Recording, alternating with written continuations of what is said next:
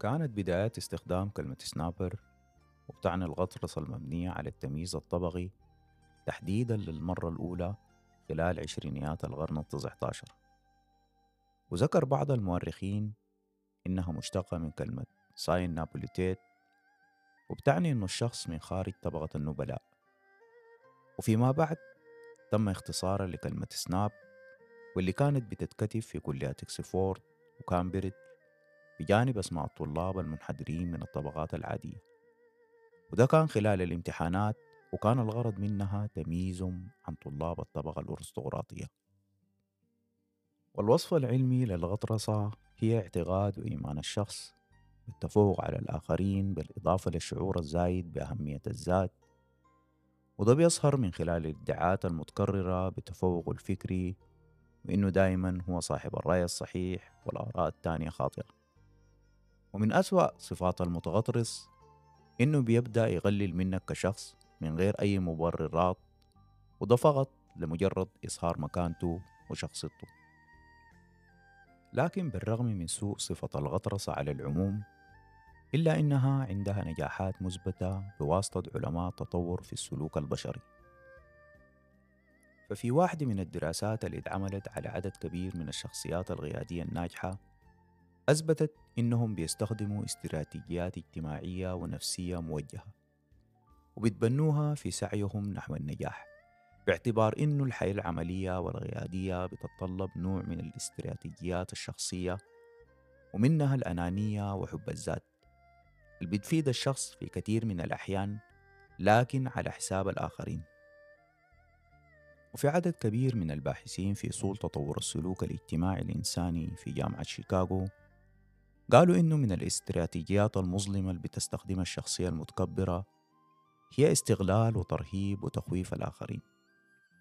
وده بيديها القدرة على تحقيق النجاح سواء برضا الناس أو عدمه بالإضافة لتركيز المتكبر على تضخيم الذات والتقليل من شأن الآخرين على طول طريق نجاحه. واعتبروا أن الغطرسة خصلة نفسية قابلة للقياس وتأثر بشكل كبير على بيئة عمل الفرد. وذكرت الدراسة خمس أسباب بتخلي المتغطرس ناجح بشكل عام.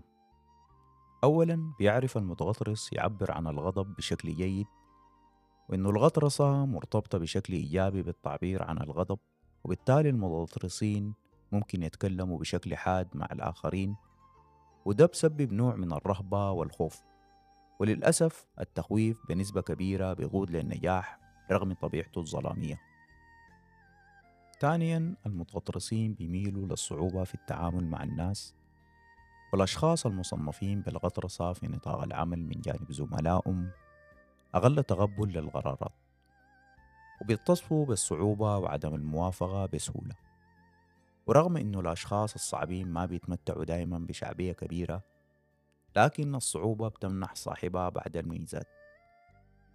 منها في أوقات كثيرة الاستسلام لموقف المتغطرس تجنب مناقشته والاحتكاك به. وكثير من المتغطرسين بيستفيدوا نتيجة الحاجة دي.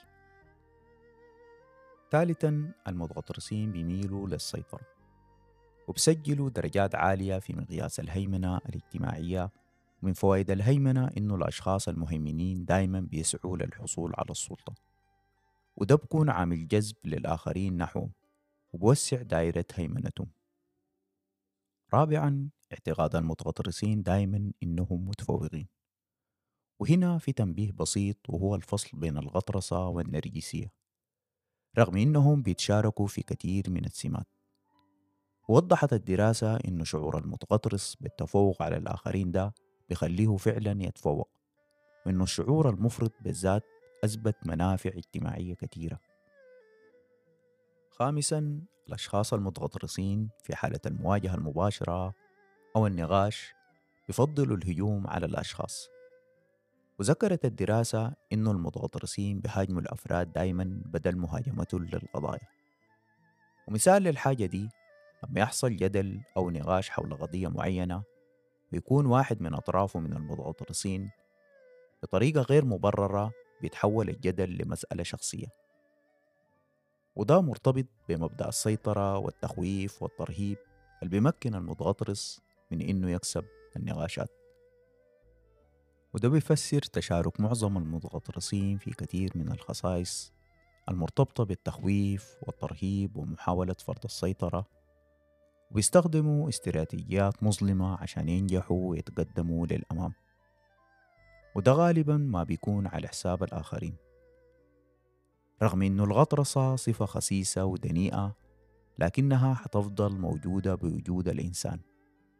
وده لأنها بتعتبر واحدة من استراتيجيات تحقيق النجاح عند اللي بيستخدموها.